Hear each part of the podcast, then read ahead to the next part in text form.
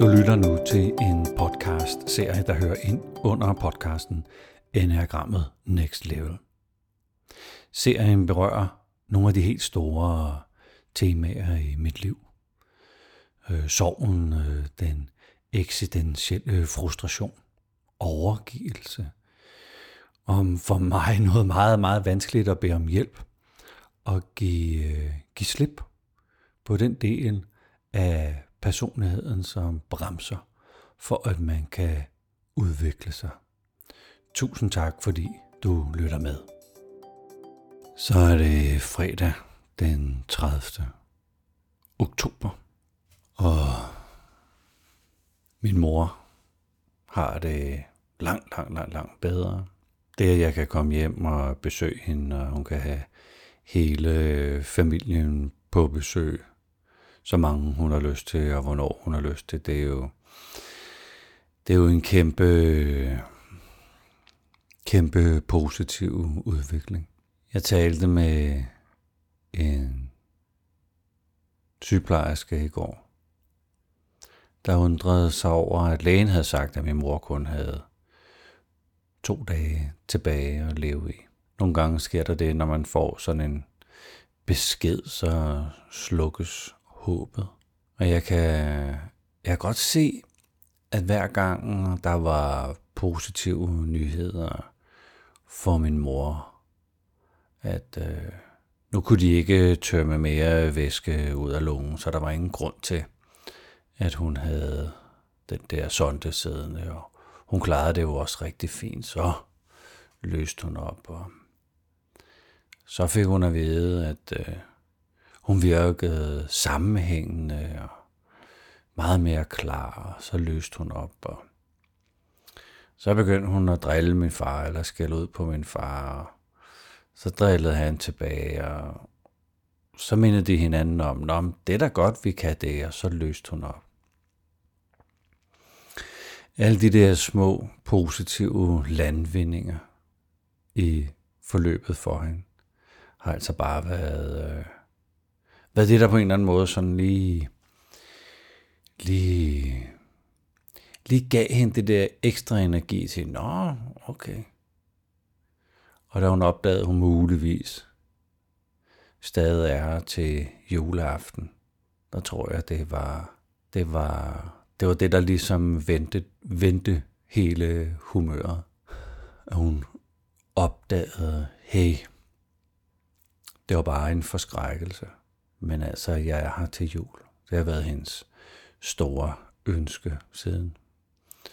Hun her for ja, tre uger siden fik jeg vide, hvad det var, der gjorde hun ikke kunne trække vejret så godt. De der små positive lyspunkter har naturligvis også præget min far. Så min far er jo også mere energifuld og lys. Louise øh, skrænter stadigvæk. Hun bliver ikke øh, klar til at kunne deltage i øh, flytningen. Og det jeg har været isoleret nu på 12. dagen, og ikke kun komme ud og møde mennesker, eller få en krammer, eller være en del af hele det her virvar med min mor og Philip og flytning og sådan noget. Jeg ved, det, det niver. Det er svært. Så selvom jeg egentlig ikke sådan 100% har brug for at køre tøj til Holte, så jeg har haft sådan en daglig tur derop, hvor jeg har været op med noget mit tøj. Det har gjort, at vi lige har kunne stå sådan åben dør, nogle gange i regnvejr, under, under afsatsen, nogle gange bare i efterårsfarverne, Og jeg har stået med mit varme tøj, og hun har måttet tage varmt tøj på, og så har vi da lige haft en, en stund og connected, og i går måtte jeg sådan lige på video vise, hvor langt jeg var kommet. Så vi hjælper hinanden sådan med at være connected i situationen alligevel. Philip og jeg sender stadig lydfiler til hinanden, og det synes, er der en lille, lille forbedring for Philip. Jeg vil ringe til Lennart i går, så han kommer her klokken 9 og hjælper til. I går så jeg sidste del af en øh, serie, der hedder Dronninge Gambit. Det er en serie, jeg ved ikke, sådan 7, 8, 9 dele, men, øh, men en time lang øh, episode. Så, så det er, en, det er en, sådan en, en god, god lang serie om en øh, skakspiller, der som lille pige opdager, at, at hun kan et eller andet med skak. Og man følger hende sådan gennem, gennem hendes karriere, hvor hun jo kommer fuldstændig uskolet, uden, uden nogen klub, men har haft en, en lærer, habil, habil skakspiller, der sådan har lært hende om principperne. Så jeg skal ikke afsløre særlig meget andet end, at på et tidspunkt, jeg tror det er sidste eller næst sidste afsnit dukker, der er en ven op fra fortiden, og som erklærer, at vi er, at de er familie, og derfor så hjælper man hinanden. Så et menneske, hun sikkert ikke har set i 10-15 år, måske 20, lidt afhængig af, hvor gammel hun egentlig er, dukker op og siger, hey, her er jeg, hvordan har du det? Opdager, at den her hovedperson, Elisabeth, er i problemer og træder til på, på fantastisk vis. Som giver hende, øh, Elisabeth, øh, hovedpersonen, mulighed for at spille i Rusland over for verdensmesteren. Hun skal så bare lige slå uh, de fire bedste fra Europa og de fire bedste fra, fra USSR. Undervejs, hun er helt alene og er i sin egen boble render ikke rundt og oplever særlig meget, men holder sig frisk og klar og forsovet og hvilet og spist. Og en aften øh, spiller hun så med en, der tidligere har været mester. Og på et tidspunkt siger mesteren, øh, lad os vente og spille videre i morgen.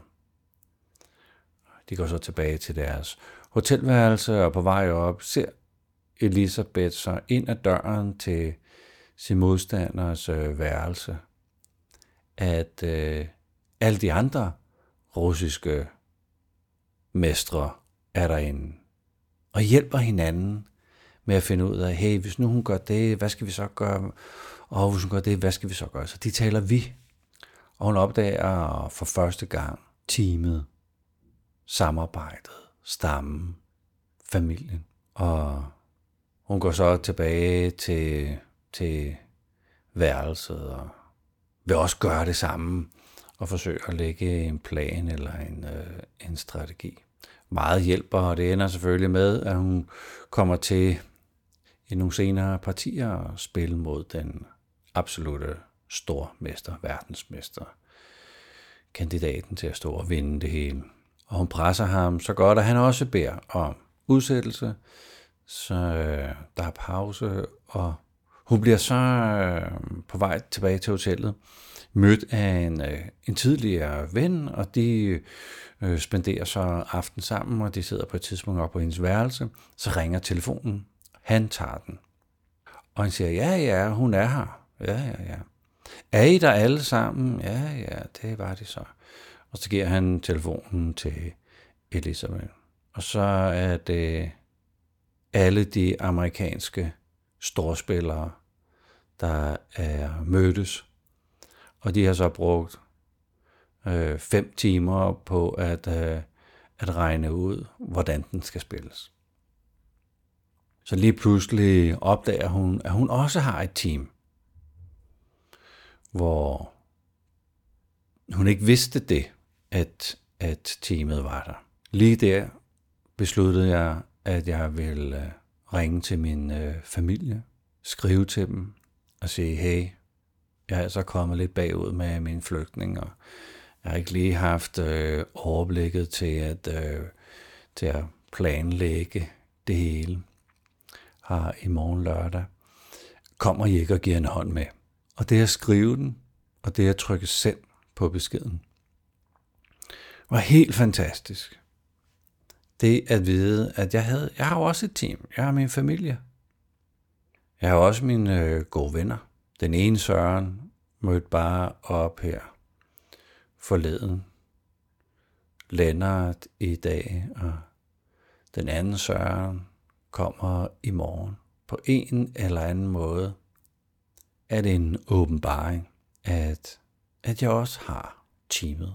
Og at det måske ikke øh, lige har vidst, at det er, hey, det, det er nu, det er nu, jeg er underdrejet, hvis jeg ikke sådan lige rækker ud, eller lige øh, melder ud. Så igen det her med at være transparent og dele og fortælle, hey, øh, jeg står altså i det her. Har du mulighed for at hjælpe til? Jeg fortalte det senere til Louise, og hun synes jo, det er en sejr.